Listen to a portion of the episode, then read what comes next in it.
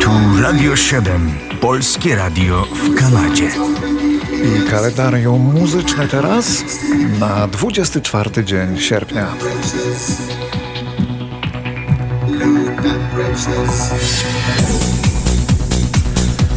Bardzo trudno wyobrazić sobie oblicze muzyki rozrywkowej dzisiaj bez tego pana, którego mamy tu na początek. Na jego spektakle, spektakle muzyki i światła przychodzą największe widownie na świecie. Największe. Całe miasta czasami. Po kilka milionów ludzi może brać udział w jego gigantycznych koncertach. Oczywiście wiemy, kto to jest Jean-Michel Jarre.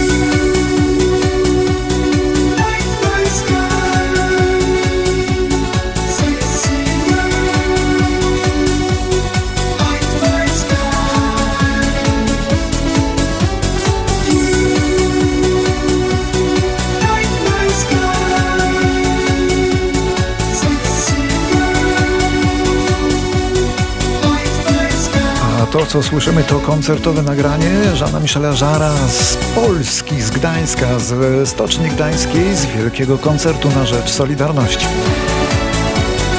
Niesamowity Francuz z urodzinami dzisiaj. Kompozytor i wykonawca muzyki elektronicznej, rodem z Lyonu, a rocznik to 48. Jean-Michel Jarre sprzedał 80 milionów płyt, ale ważniejszy jest tu chyba inny rekord. Ten skromny Francuz zdołał przyciągnąć na swój koncert w Moskwie w 1997 roku aż 3,5 miliona ludzi. Żaden inny muzyk nie miał nigdy i nigdzie aż tak wielkiej widowni.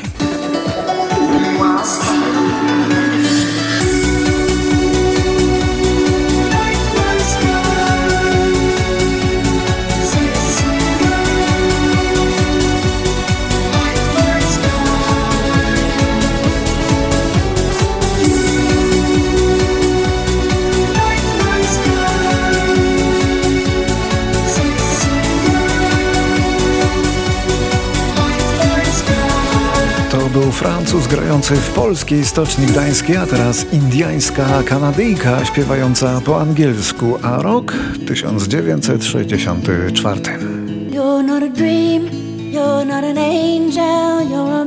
Amerykański magazyn muzyczny Billboard nazywa kanadyjską Indiankę Buffy St. Marie artystką roku. Osierocona jako dziecko, wychowywana w rezerwacie przez przybranych rodziców, ukończyła studia i zaczęła śpiewać oraz komponować, a po jej piosenki sięgali najwięksi z Elvisem Presleyem na czele. Taka emancypacja dziewczyny z kanadyjskiego rezerwatu nie każdemu się podobała. Poza tym ona pisała często pieśnie o niedoli współczesnych Indian. Prezydent Lyndon Johnson i amerykańskie służby postarały się więc, aby jej nagrania i nagrania innych Indian nie wchodziły na antenę radiową. W Stanach więc przez wiele lat Buffy St. Marie po prostu nie istniała, podczas gdy w Kanadzie była już gwiazdą. W tym czasie popularną piosenką w ich wykonaniu było to uniwersalne nagranie o niemożności bycia ze sobą. Uniwersalne, bo przecież każdy kiedyś z kimś być nie mógł, mimo że bardzo chciał. Ta moja miłość nie miała początku i nie będzie mieć końca. Kiedyś byłam dębem, a teraz stałam się wierzbą. Mogę się ugiąć. I nawet jeżeli nigdy więcej nie mamy się znowu spotkać, i tak zostanę, aż będziesz musiał odejść. Nie pytaj mnie, dlaczego. Nie pytaj mnie, jak. Nie pytaj mnie o nic. Kochaj mnie. Kochaj mnie teraz. 1968 i Keith Moon, który był świetnym perkusistą zespołu The Who, ale niezbyt zrównoważonym człowiekiem. Tego dnia, świętując swoje 21 urodziny, wjechał, jak to mówią, dla beki, nie swoim Lincolnem Continentalem do hotelowego basenu hotelu Holiday Inn. Trzeba było zapłacić 50 tysięcy dolarów kary hotelowi za zniszczony basen i odkupić Lincolna od właściciela. Keith Moon dostał też dożywotni zakaz wstępu do hoteli Holiday Inn. Perkuziście temu często odbijało. Miał od dziecka nieustanne ADHD i o takich mówimy dzisiaj dawcy organów. Aż dziw, że przeżył tak dużo, bo aż 32 lata. Nie powiem jak zmarł, bo to trochę wstyd. Jeszcze jedno, Kiss Moon był jedynym chyba perkusistą na świecie, perkusistą rockowym, który nie cierpiał grać solówek na bębnach i odmawiał ich grania.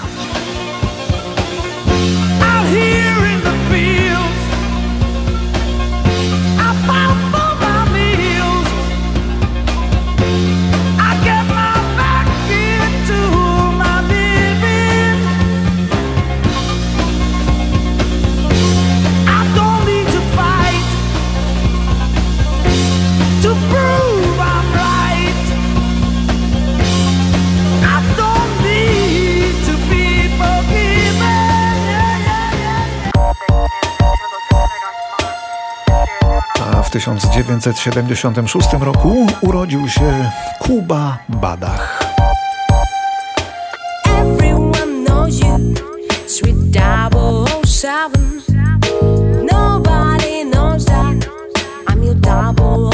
Kuba Badach pochodzi z Krasnego Stawu w Lubelskim i ma fantastyczne warunki głosowe, co dwukrotnie wyróżniono Fryderykiem.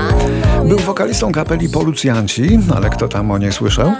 Bardziej wszyscy słyszeli, że został mężem Oli Kwaśniewskiej, córki byłego prezydenta. Kuba Badach zaśpiewa za chwilę, ale drugim głosem w chórkach, w piosence w wykonaniu Irminy Somers, która od lat mieszka tu w Kanadzie, gdzie czasem śpiewa, czasem robi reportaże dla TVN-u. Tak to jest. A sama piosenka utrzymana w takim bondowskim sosie.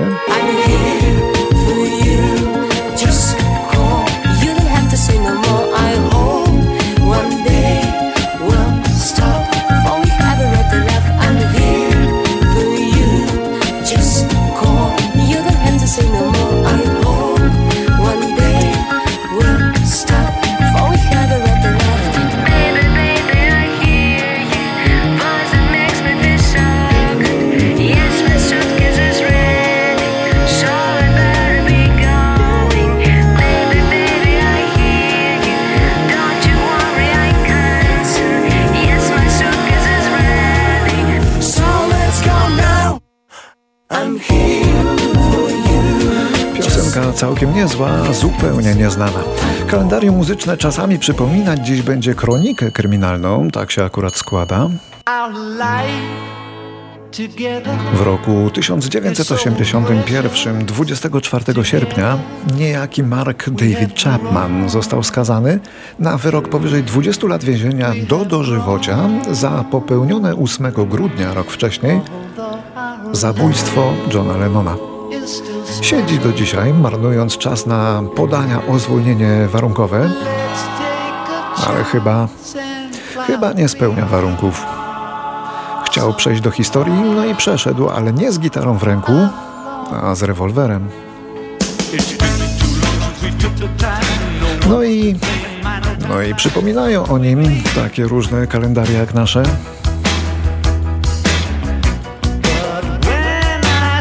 John Lennon nagrywał wtedy wraz z żoną album Double Fantasy, który to album otwierała ta właśnie piosenka.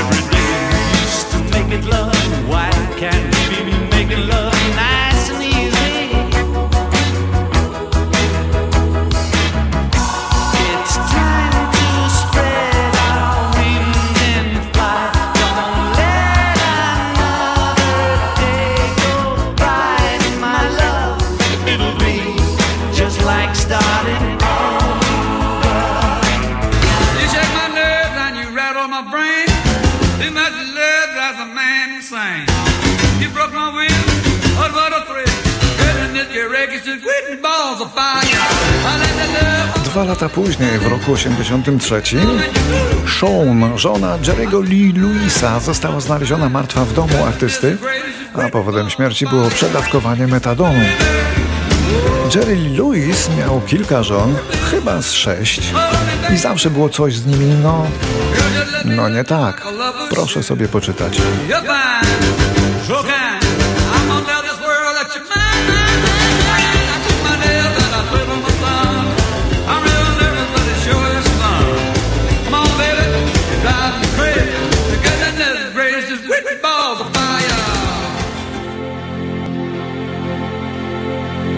Przechodzimy do roku 90 i do pani, z którą też coś jest nie tak.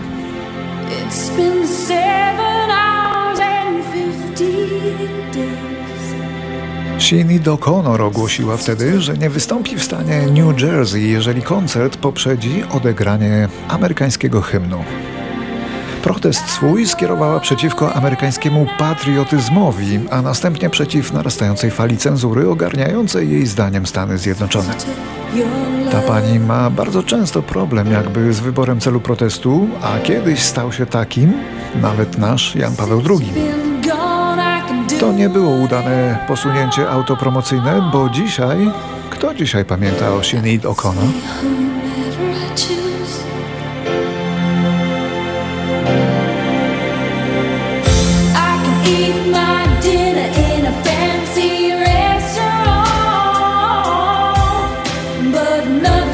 Poza tym, akurat ta piosenkarka ma bardzo poważne problemy ze swym zdrowiem psychicznym.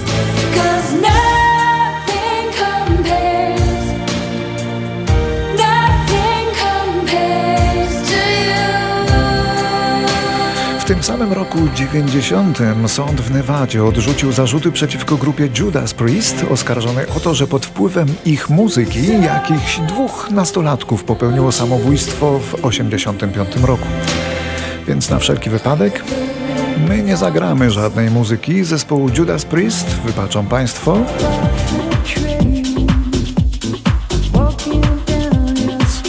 Zagramy natomiast taką dosyć wątłą piosenkę pewnego duetu, która stała się przebojem nad przebojami, ale nie za bardzo wiadomo dlaczego, bo ona jest po prostu nijaka. Tak samo jak sam duet o nazwie Everything But The Girl.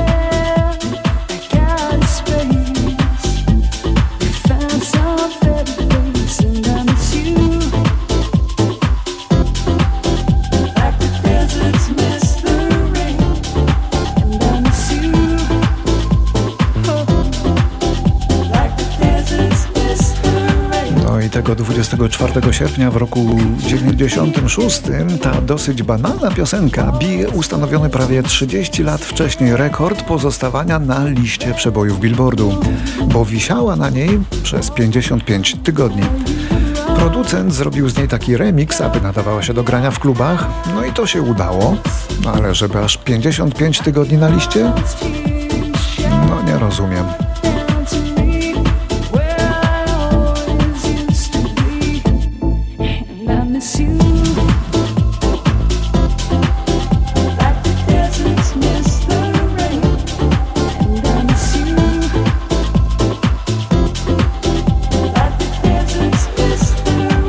Na zakończenie zupełnie inny duet z przedpotopowej ery rock'n'rolla. Duet dwóch bliźniaków, The Kalin Twins.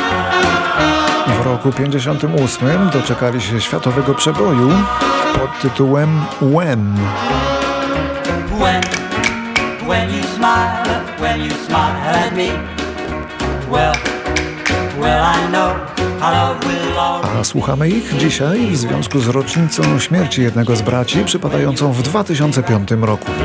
24 sierpnia Hall Kaelin umiera w wyniku obrażeń po wypadku samochodowym. Miał 71 lat. Jego bratu bliźniakowi, Herbertowi, jego serce pozwoliło przeżyć rok dłużej. Ale kiedy śpiewali tę piosenkę, Bracia mieli po 24 lata.